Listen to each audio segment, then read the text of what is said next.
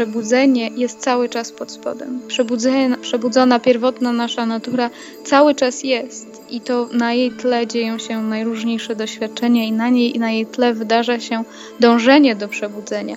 Natomiast przebudzenie jest cały czas pod spodem. Natomiast kiedy w pojedynczym organizmie czy w pojedynczym przypadku i jak i w jakich okolicznościach wydarzy się takie przypomnienie i kliknięcie do tego, kim naprawdę jesteśmy, tego nie można powiedzieć, ponieważ jest to ponieważ jest, jest to dosyć spontaniczne i tutaj żadnych nie ma reguł.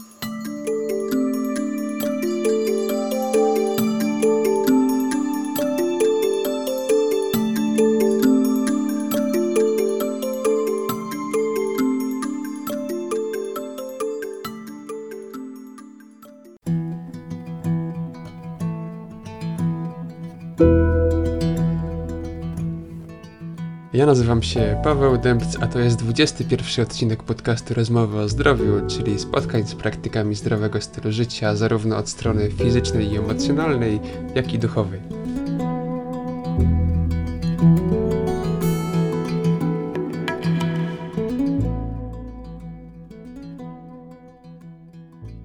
E, a dzisiaj, jak zwykle, mamy wyjątkowego gościa. Tym razem jest nim Patrycja Pruchnik ale jej imię jest e, znane bardziej jako Nitya. E, to jest to imię, które używa podczas prowadzonych przez siebie satsangach, a znaczy to nic innego jak wieczna esencja. Imię to nadał jej Srimuji, który obecnie naucza e, na całym świecie w nurcie non-duality, mm, no i dzięki któremu ostatecznie pozbyła się także iluzji mm, i przestała wierzyć w świat, jaki znała dotychczas. Nita jest także autorką książki o tytule Koniec wszystkich historii. W książce tej opisuje właśnie swoje doświadczenia, swoją historię dochodzenia do samopoznania siebie. Od kilku lat, tak jak powiedziałem, prowadzi także satsangi, na których inspiruje ludzi do zadania sobie pytań o istotę rzeczy, no i znalezienia odpowiedzi na kluczowe pytanie, kim jestem. A na dzisiejszym spotkaniu porozmawiamy o drodze do samopoznania, faktach i mitach na temat oświecenia oraz o zbliżającym się satsangu online, który odbędzie się właśnie u nas na projekcie mindbodyspirit.pl e, w środę o 20. E, witaj serdecznie Nitya. E, na początek chciałbym, abyś wyjaśniła wszystkim, czym jest nurt non-duality. Non-duality to tak naprawdę oznacza nie dwa, czyli postrzeganie rzeczywistości nie z perspektywy dwóch, czy z perspektywy mm, e, podzielonej, tylko z perspektywy jednego. Nie, nie dwa, czyli nie dualna rzeczywistość jest to. Ostatnimi, ostatnimi czasy ten termin jest dosyć e, popularny, można powiedzieć, na Zachodzie i nie tylko. I on w jakiś sposób wszedł już do, do kultury nawet. Natomiast klasycznie to ten termin odpowiadał z sanskrytu nazwie Advaita. To również oznaczało nie dwa, czyli bez podzielenia, bez podziału. Jest to nurt, który, który w największym stopniu um, rozpowszechnił się na Zachodzie w ostatnich 30 latach, można powiedzieć. E, zapoczątkowało go nauczanie Ramany Maharishiego, Nisargadaty Maharaj. Z tej, z, tej, z tej strony jest najbardziej naj, on rozpoznawany na, na zachodzie.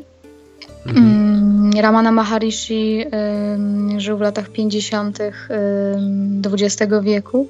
Nisargadatta Maharaj y, umarł w 80, około 80 roku E, też XX wieku. Natomiast było to, by, byli to dwaj główni nauczyciele, których my kojarzymy z, tym, z tą niedualną filozofią, można powiedzieć. I do nich, do nich docierali ludzie z zachodu, którzy, którzy tę, e, tę ścieżkę w jakimś sensie, można powiedzieć, rozpropagowali na zachodzie. I byli to między innymi, był to między innymi Papaji,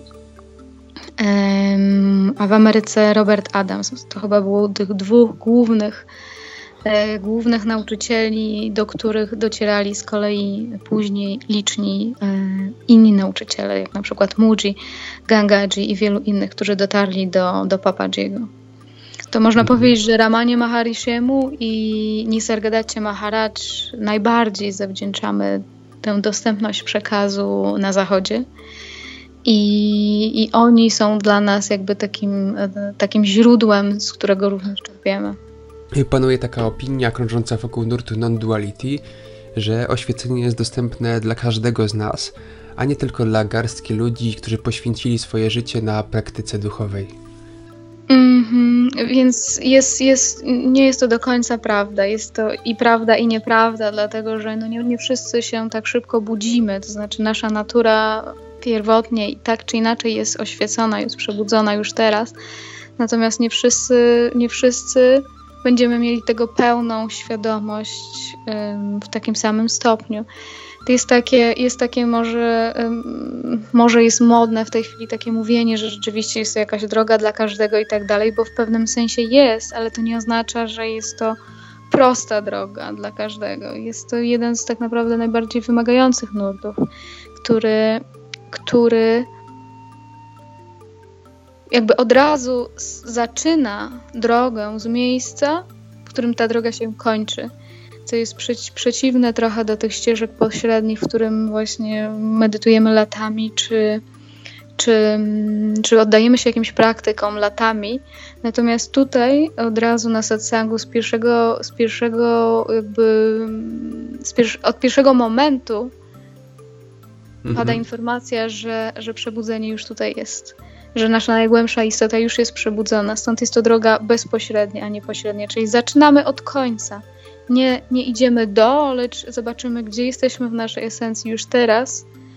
I czasem oglądając tylko te rzeczy, które nam jakby zakrywają tę niedualną rzeczywistość już teraz. Okej, okay, czyli w pewien sposób unikamy wszystkich etapów takiej żmudnej praktyki duchowej, no i zaczynamy od razu od końca tej ścieżki. Mhm, to też nie można powiedzieć, że ich unikamy, bo one czasem są kompatybilne i one czasem są wspomagające i one mogą się wydarzać w tej drodze jak najbardziej. Natomiast w, no, w, nie, w przekazie niedualnym nie wierzy się w czas, nie wierzy się w stawanie, nie wierzy się w, w taką ideę, że, że coś nam stoi na przeszkodzie do przebudzenia w tej chwili. Nie ma wiary w ten koncept, ponieważ stawia się na odkrycie samego siebie nie w tym, co się wydarza, nie w tym, co się dzieje, lecz w tym, co jest świadkiem tych wszystkich wydarzeń. Y, czy w takim razie można uznać, że główną praktyką non-duality jest samorefleksja?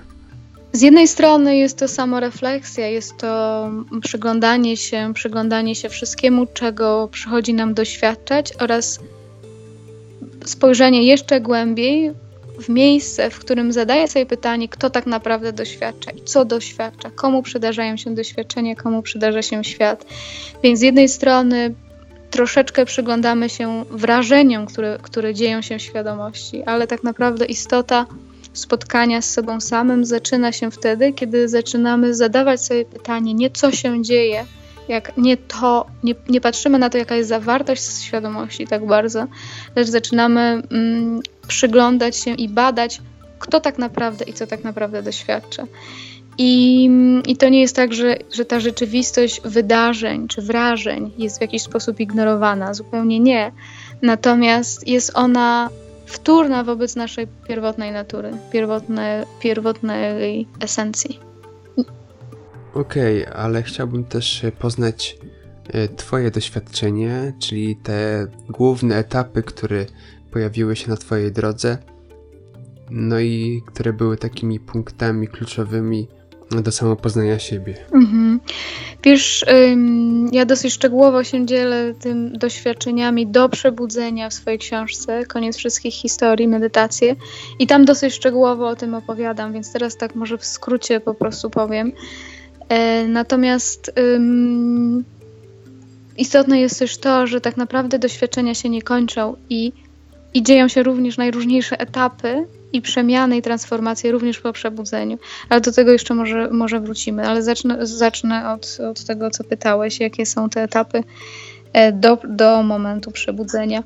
Wiesz, mam takie poczucie, że w pewnym sensie takie wiedzenie i rozumienie całości było ze mną od zawsze.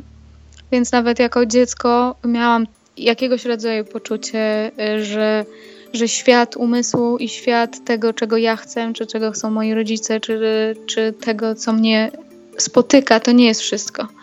Zawsze było takie poczucie jakiejś głębszej, jakiejś głębszej um, rzeczywistości w tym, która nie była zupełnie ode mnie odległa. E, w bardziej świadomy sposób zaczęłam szukać chyba wtedy, kiedy zaczęłam ćwiczyć jogę i zetknęłam się z jogą. To był taki moment, kiedy, kiedy usłyszałam e, o koncepcie rozwoju duchowego. E, I, I od razu miałam takie poczucie, że w jakimś sensie jest mi to wszystko znajome, że, że, że, gdzieś, że gdzieś to znam i, i, i troszeczkę za tym poszłam. Natomiast takie ważne etapy, które się wydarzyły do przebudzenia, to na pewno była choroba. Yy, ciężko zachorowałam i byłam przez, przez, przez długie tygodnie unieruchomiona w łóżku i i to był strasznie ważny moment, dlatego że ja wówczas zobaczyłam, że ja nie jestem moim umysłem. To nie było na skutek żadnych praktyk duchowych, to nie było na skutek um, spotkania z jakimś nauczycielem, to nie było na skutek wypracowania czegokolwiek, natomiast spontanicznie przyszedł do mnie wgląd, jakby biologicznie, że ja nie jestem umysłem, że ja ten umysł widzę. Ja widzę myśli, ja widzę emocje, ja widzę frustracje najróżniejsze, widzę ból e, w owym czasie widzę zmieszany umysł, widzę wiele cierpienia, natomiast coś, coś się odkleiło również od tego doświadczenia. Odkleiło się od wszystkich doświadczeń, zobaczyłam, że ja nie jestem tym umysłem. Natomiast nie miałam wówczas żadnych e, narzędzi do tego, żeby o tym opisać, o, o tym mówić, czy to opisać w jakikolwiek sposób. Z tego, co wyczytałem w książce, to chorobą tam była gruźlica. A czy jej stan był na tyle poważny, że otarłaś się o śmierć? Ona nie była może aż tak zaawansowana, ale w tamtym czasie to, mm, to było dla mnie pierwsze zetknięcie z jakąś poważniejszą chorobą, z chorobą, no, którą się kiedyś nazywało śmiertelną. No i nie było to tak, nie, nie, nie, nie miałam takiego poczucia, że za chwilę umrę, ale w głowie taki koncept strachu się pojawił jak najbardziej. Mm -hmm. Bo pytam, bo w kontekście takim, ponieważ ludzie jak wchodzą na, na, jakiś e, kluczowy etap w swoim życiu, którym jest właśnie jakieś załamanie, czy też psychiczne, czy też zdrowotne ciała fizycznego, to pojawiają się takie właśnie mm, bardzo duża samorefleksja nad swoim życiem i jakieś wglądy, w które powodują, że człowiek e, dostrzega czegoś, czego przez całe życie nie widział. Tak, dla mnie to, to, to było wielkie błogosławieństwo ta choroba, dlatego że ja, ja, ja ta, ta choroba z, zmusiła mnie na powrót do, do samej siebie, do tego, co pamiętałam z dzieciństwa, do jakiejś takiej wewnętrznej rzeczywistości bardziej niż, niż tylko z rzeczywistości zewnętrznej, kiedy byłam bardzo zajęta i bardzo zaabsorbowana wówczas pracą, domem i tak dalej. I bardzo mocno wsiąkłam w ten świat materii, zupełnie się z nim identyfikując kompletnie. Natomiast ta choroba pomogła mi się troszeczkę z tego otrząsnąć i zobaczyć, że że to nie jest aż takie strasznie ważne, że owszem, muszę funkcjonować w tym świecie, muszę jakoś y, grać według tych reguł, ale no nie za taką cenę, za jaką przyszło mi płacić y, w czasie, kiedy byłam chora i w czasie, kiedy w zasadzie byłam smutna tak naprawdę, smutna, nieszczęśliwa częściowo. E, i w pełni wierząca w, w, w, sprawczość e, swojej osoby i z pełną, z pełną identyfikacją, że ja jestem tym ciałem i jestem tym umysłem.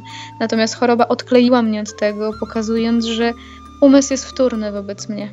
Umysł jest wtórny wobec mnie, emocje są wtórne wobec mnie, zdarzenia, wszystko, czego doświadczam, jest wtórne tak naprawdę wobec czegoś, co nie doświadcza, co po prostu jest. I kolejną taką, e, kolejnym etapem było, był wyjazd do Indii, który też się w zasadzie wydarzył sam. Ja nawet nie wiedziałam, dlaczego do tych Indii mam jechać. tuż po, po wyjściu z, z choroby, ale będąc jeszcze cały czas w takim okresie takim rekonwalescencji, pojechałam do Indii. Tam, tam już zetknęłam się po raz pierwszy z satsangiem, dosyć mocno weszłam w jogę. I spotkałam mojego nauczyciela, Mujiego. Mhm. Czyli ten wyjazd nie był, nie był planowany? Nie, nie był planowany pod kątem satsangu, nie był planowany pod kątem nawet jakiegoś rozwoju duchowego, po prostu wydarzył się. Przyszedł, przyszedł do mnie ten koncept, że, że trzeba jechać do Indii, tak naprawdę wracać do Indii. I, I znalazłam się w Indiach. I kiedy znalazłam się w Indiach, miałam takie poczucie, że że gdzieś, gdzieś ta rzeczywistość jest mi znajoma, nie wiem skąd, nie wiem jak, ale, ale wszystko, wszystko było mi tam w taki sposób, jak tutaj w Polsce, bliskie i znajome. Mm, I potem z kolei wydarzały się jeszcze inne etapy, kiedy, kiedy spotkałam mojego nauczyciela.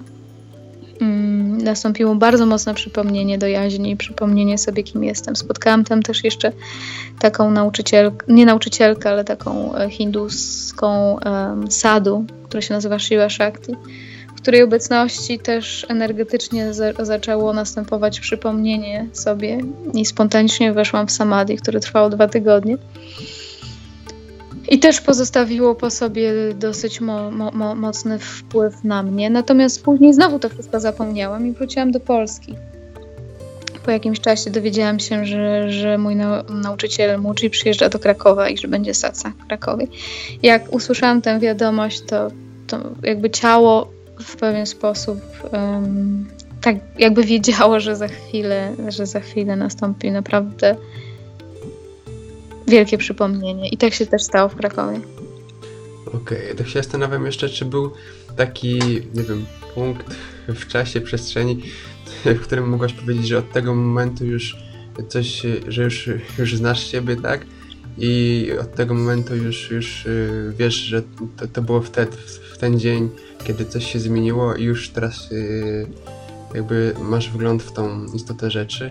Czy, cały, czy, czy od tego momentu cały czas ten twój jakby to samo poznanie cały czas ewoluuje i, i z biegiem czasu się zmienia? Mhm. Wiesz co, coś się rzeczywiście, rzeczywiście coś się otworzyło bezpowrotnie um, 7 lat temu E, podczas satsangu właśnie z Murdzin w Krakowie i, i to było takie nagle, nagłe, raptowne i nieodwracalne. E, I trwa do tej pory. E, natomiast jeśli chodzi o doświadczenia, jeśli chodzi o poznanie, jeśli chodzi o transformację i jeśli chodzi o, o głębie, to ona się cały czas zmienia, ona się cały czas wydarza. Ja jestem cały czas świadkiem transformacji tego organizmu również i, i transformacji również tego umysłu i najróżniejszych wglądów, najróżniejszych przypomnień. E, natomiast jakkolwiek nie, były to, nie byłyby to wielkie doświadczenia, bywały takie, to i tak rozpoznanie to, o którym, o którym mówię, czy o którym się dzielę na satsangach, jest, jest, jest poza tymi wszystkimi doświadczeniami, poza wszystkimi wrażeniami, ponieważ nie jest to rzecz, nie jest to, nie jest to doświadczenie, które, które jest opisywalne językiem, y, którym się zazwyczaj posługujemy, bo my się posługujemy nazwami, które na coś wskazują. Próbujemy mówić o doświadczeniach, o wrażeniach, natomiast siebie zobaczyłam jako nie rzecz, nie coś, jako raczej świadka tych najróżniejszych zdarzeń, którego nie można zobaczyć samemu. Mhm. E, przebudzenie mm, często jest według mnie też mylnie kojarzone z takim stanem właśnie można powiedzieć samadhi, e, który przekształca się w stan powiedzmy bezwarunkowej miłości, euforii. Tak. I tak sobie to ludzie wyobrażają, że wchodzą w ten stan i teraz już cały czas odlatują praktycznie z tego świata. E, mhm. E, chciałbym, żebyś to rozwinęła. Rozumiem, że później to życie normalnie może to, tak, że człowiek tak. jest cały czas na tej ziemi i doświadcza różnych stanów, mhm. nie, tylko, nie tylko euforii, a także, także innych emocji i, i doświadczeń. Jasne, to bardzo ważne, co mówisz, dlatego że rzeczywiście to jest jedna z największych złudzeń i największych iluzji w tych środowiskach duchowych, ale nie tylko duchowych, jakichkolwiek Wydaje nam się, że oświecenie czy przebudzenie to jest właśnie wejście w jakiś stan, błogi stan, który się zaczyna już trwa do końca życia.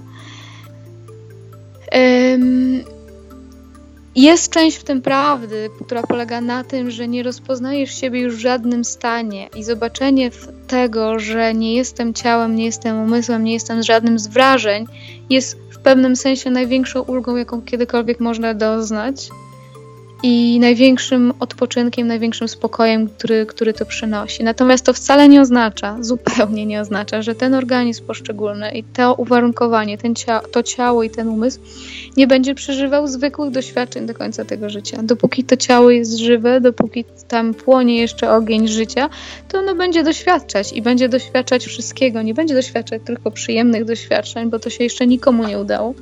Będzie doświadczało przyjemności i bólu, będzie doświadczało dobra i zła w cudzysłowie.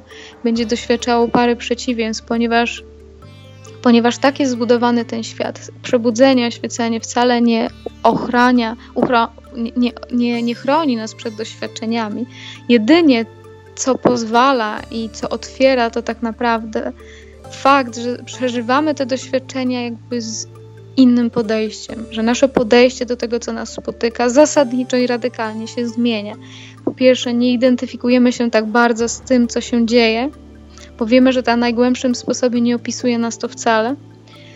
A po drugie, nie ma tego mechanizmu, który kiedyś funkcjonował, który nazywałby, co jest dobre, co jest złe, czego chcę, czego nie chcę, jakie doświadczenia będę przedłużać, a jakie będę odrzucać.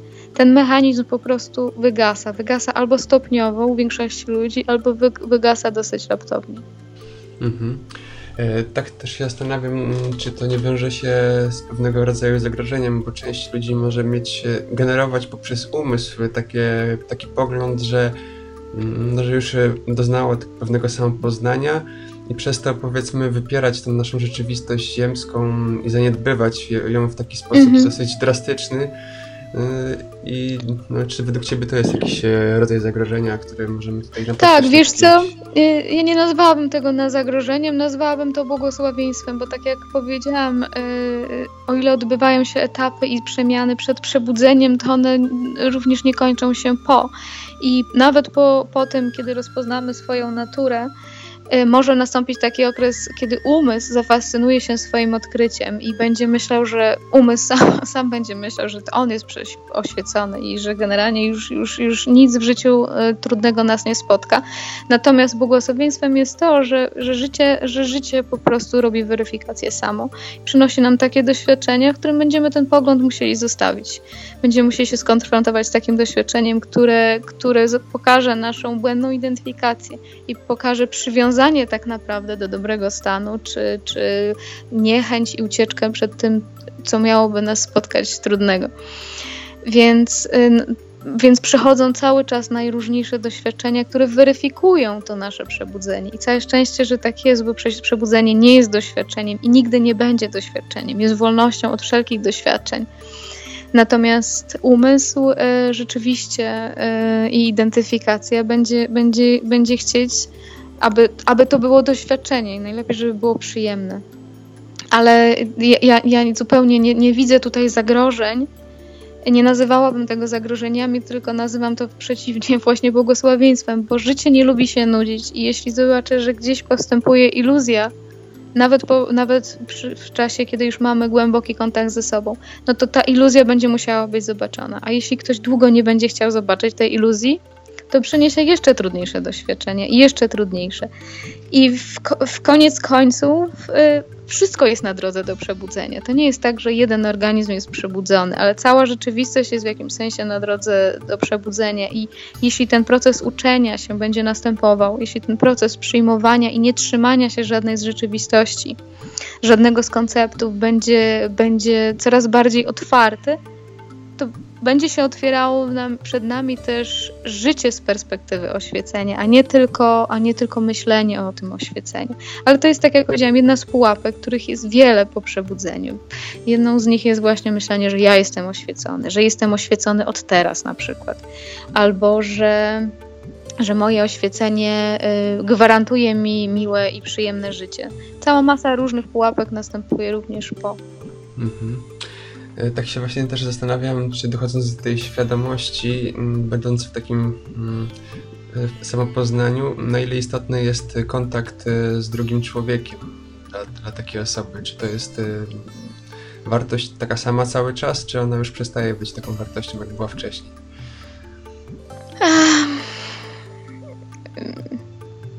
Z jednej strony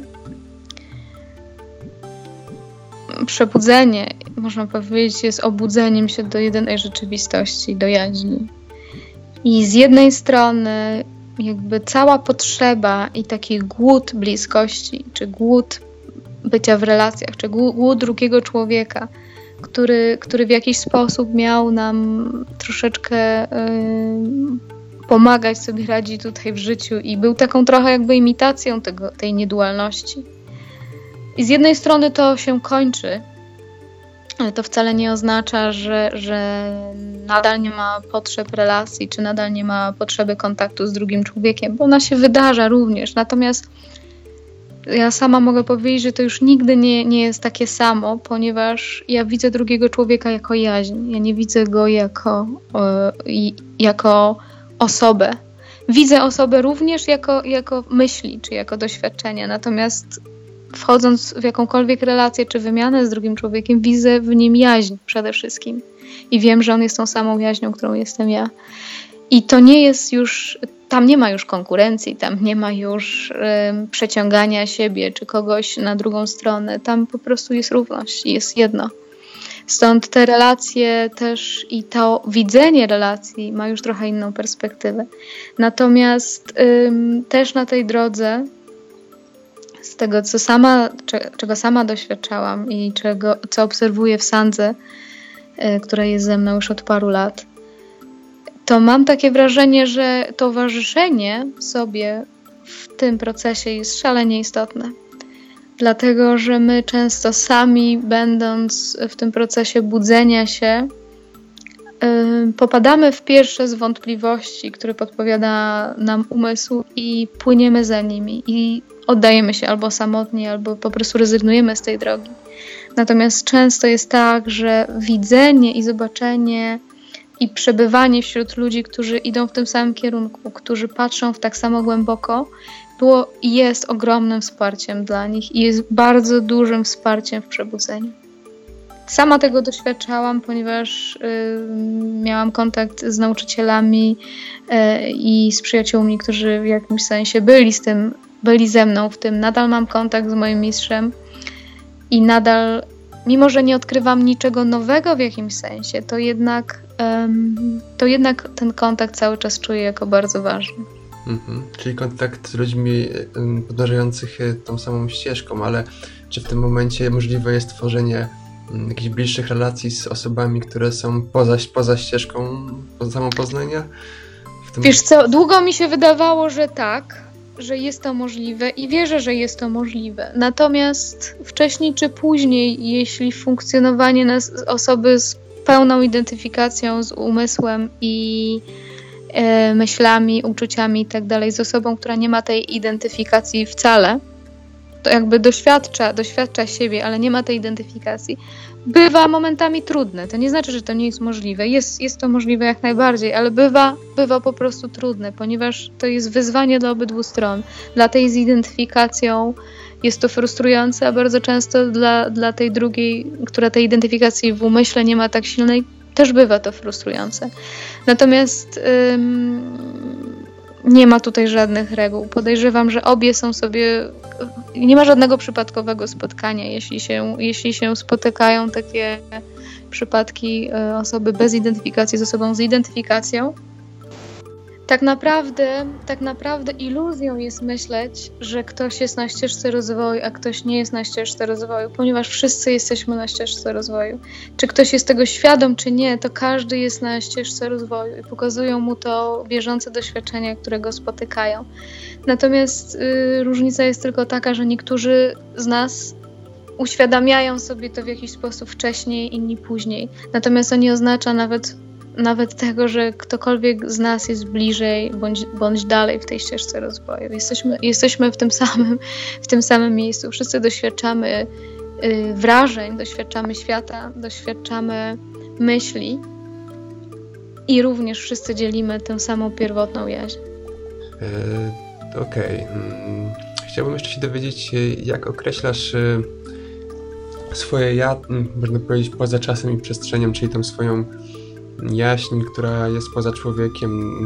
Czy ta świadomość według Ciebie jest mm, wieczna i przyjmuje powiedzmy kolejne wcielenia e, w przestrzeni ziemskiej, czy, czy, czy ma jakiś początek, koniec? Mhm, mhm. Wiesz, już teraz zaczynamy wchodzić w taką rzeczywistość, w której y, słowa milkną, ponieważ y, nie sposób tak naprawdę wyrazić słowem czy w jakikolwiek inny sposób, kim naprawdę jesteśmy. Ponieważ każde wrażenie, wyrażenie i każda refleksja na ten temat będzie się wydarzała w, w tym czymś, co i tak już jest. Więc każda refleksja będzie spóźniona wobec mnie, każda refleksja będzie spóźniona wobec ciebie. Ja widzę to w ten sposób, że jest w nas aspekt nieśmiertelny, aspekt niezmienny, nieśmiertelny, zawsze i stale obecny. Ten aspekt nie może być widziany, ponieważ nie jest rzeczą, nie jest czymś, Natomiast jest, jest, z jednej strony, z drugiej strony jest oczywisty, ponieważ w tym czymś, kim naprawdę jestem, wydarzają się na, cały czas nieustająco najróżniejsze przemiany. Przestałam siebie identyfikować i widzieć w jakimkolwiek z wrażeń, w jakimkolwiek z doświadczeń, w jakiejkolwiek z ról. Nie widzę tego w ogóle. One się wydarzają, one się przytrafiają, natomiast nie traktuję już ich y, tak całkiem poważnie jak kiedyś. Kiedyś przesłaniały mi wszystko. Mam poczucie takiego niezmiennego aspektu w każdym z nas, do którego, tak jak powiedziałam, nie da się nawet dotrzeć umysłem, nie da się nawet o nim myśleć, ponieważ myślenie czy doświadczenie wydarza się, wydarza się w nim. Nie jest to widziane, nie można tego zobaczyć, ponieważ gdybym to mogła zobaczyć, kto by to zobaczył? Więc w tym aspekcie próby zobaczenia, kim naprawdę jestem, umysł musi się poddać i musi zobaczyć, że tak naprawdę wszystko, cokolwiek nie spróbuje, będzie spóźnione wobec tego, co już jest, wobec tego niezmiennego i nieśmiertelnego aspektu mnie samej. I ten niezmierny, niezmienny aspekt dzielimy wszyscy. I każdy ma do niego taki sam dostęp. Pytałeś o wcielanie się, o przemianę i tak dalej. Owszem, te najróżniejsze rzeczy się dzieją, ale to nie ma większego znaczenia dla mnie. Nie ma większego znaczenia, tak samo jak nie ma znaczenia to, co przychodzi i odchodzi. W pewnym sensie zaufanie zostało położone nieodwracalnie na to, co jest niezmienne i jest wieczne. I nie jest to wyobrażone sobie, nie jest to koncept dla mnie, tylko jest to jest to dla mnie rzeczywistość, której nie mogę nie wiedzieć. Nie mogę już tego odkręcić, tak naprawdę. Nikt tego nie może odkręcić. Raz zobaczonego nie da się odzobaczyć. Mhm. A czy w tym momencie, od tego momentu, kiedy to zauważyłaś, czy samo życie na Ziemi nie straciło na wartości w tym momencie? Przeciwnie, wiesz, zupełnie przeciwnie.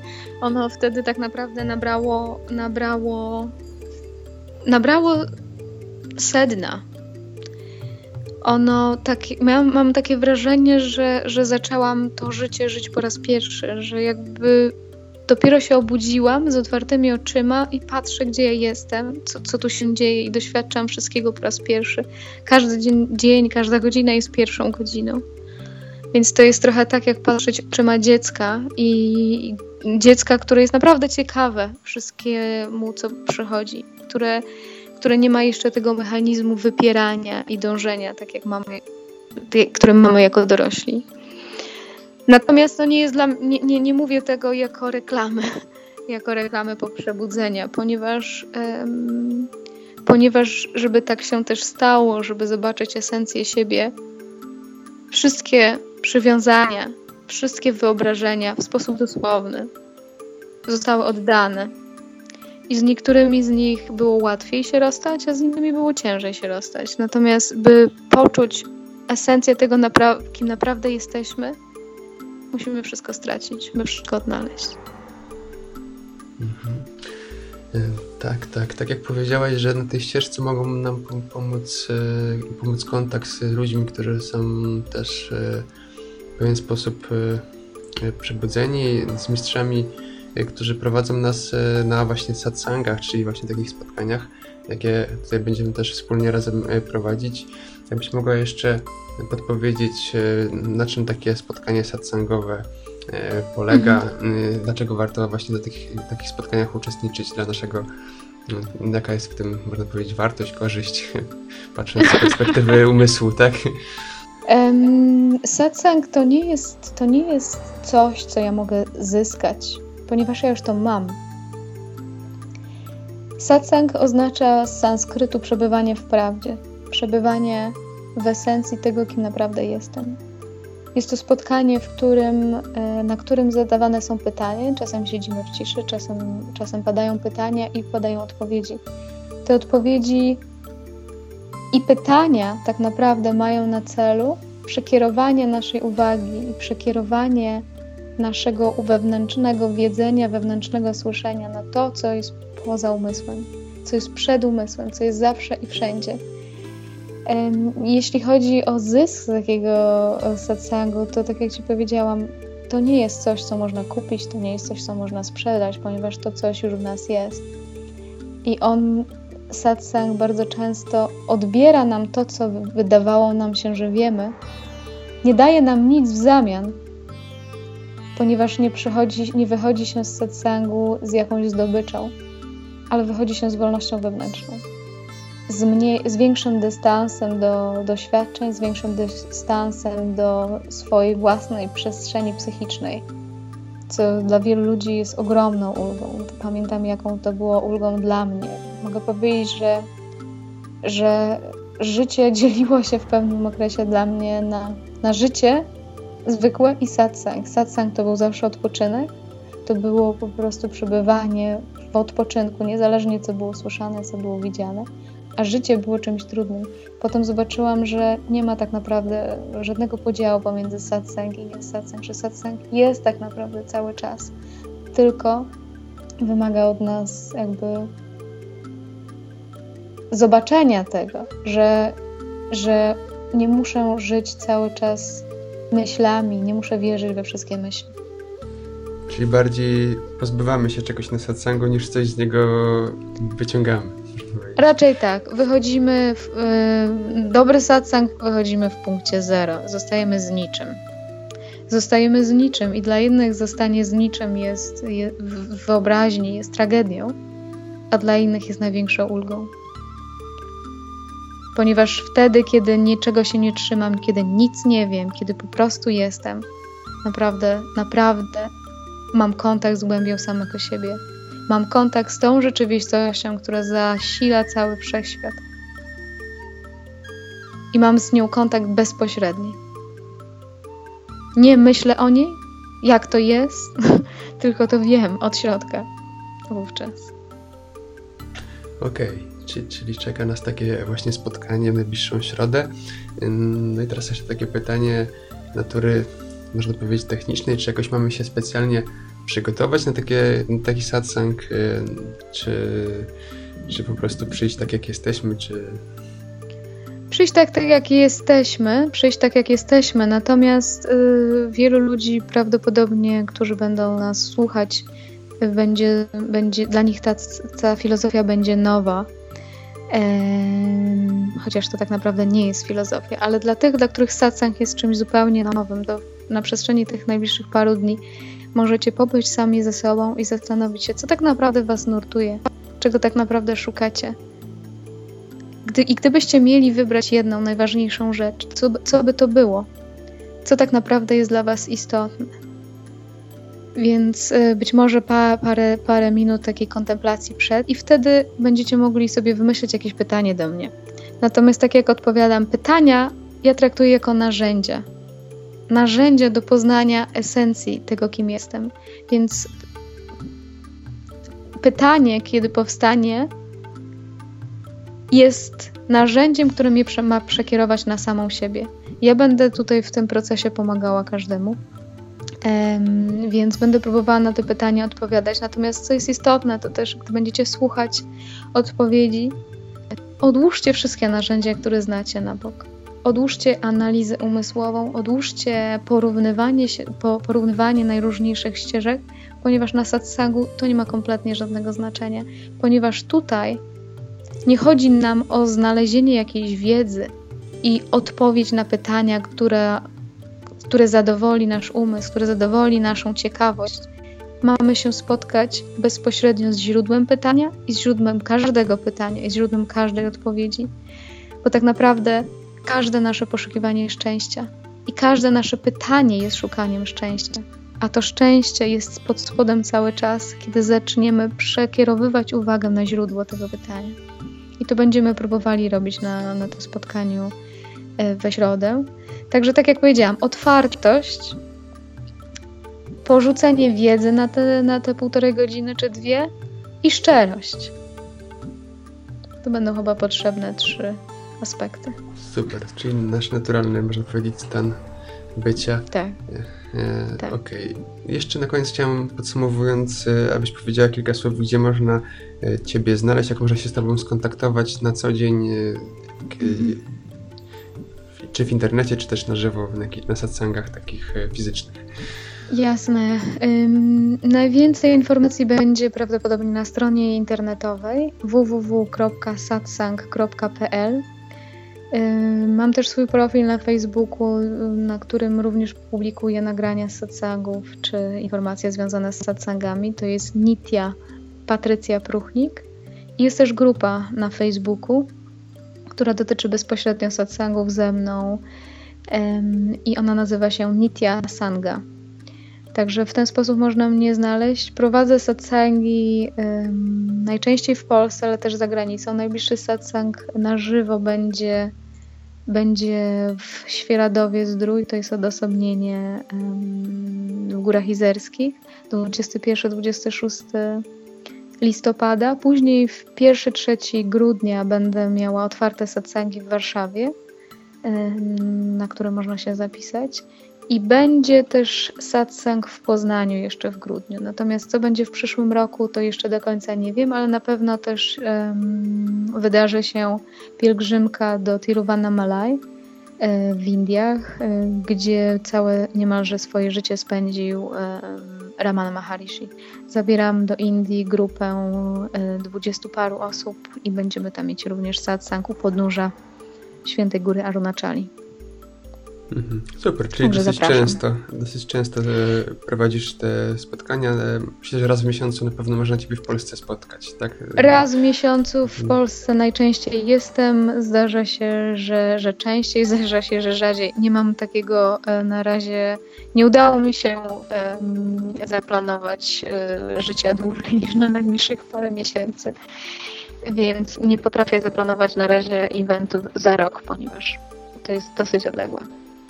Super. Także dziękuję za tą e, miłą rozmowę. No i oczywiście dziękuję. do usłyszenia na webinarze e, na Satsangu online w środę o 20. Do usłyszenia, dziękuję. Dzięki. Dzięki.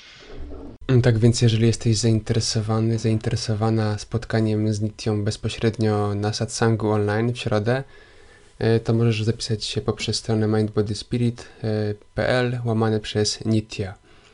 Mm, wyszliśmy też z taką tutaj inicjatywą, że osoby, które chciałyby mm, przeprowadzić e, troszeczkę dłuższą rozmowę podczas tego satsangu, nie tylko w formie czatu tekstowego, będą mogły zgłosić taką e, propozycję wcześniej i udostępnimy tym osobom kamerę oraz dźwięk, aby taki dialog jak na typowych satsangach właśnie przeprowadzić. Więc jeżeli masz taką sprawę, która wymaga kilku następujących po sobie pytań, E, to napisz wcześniej taką informację na adres info.mindbodyspirit.pl bądź też skontaktuj się ze mną przez e, profil na Facebooku.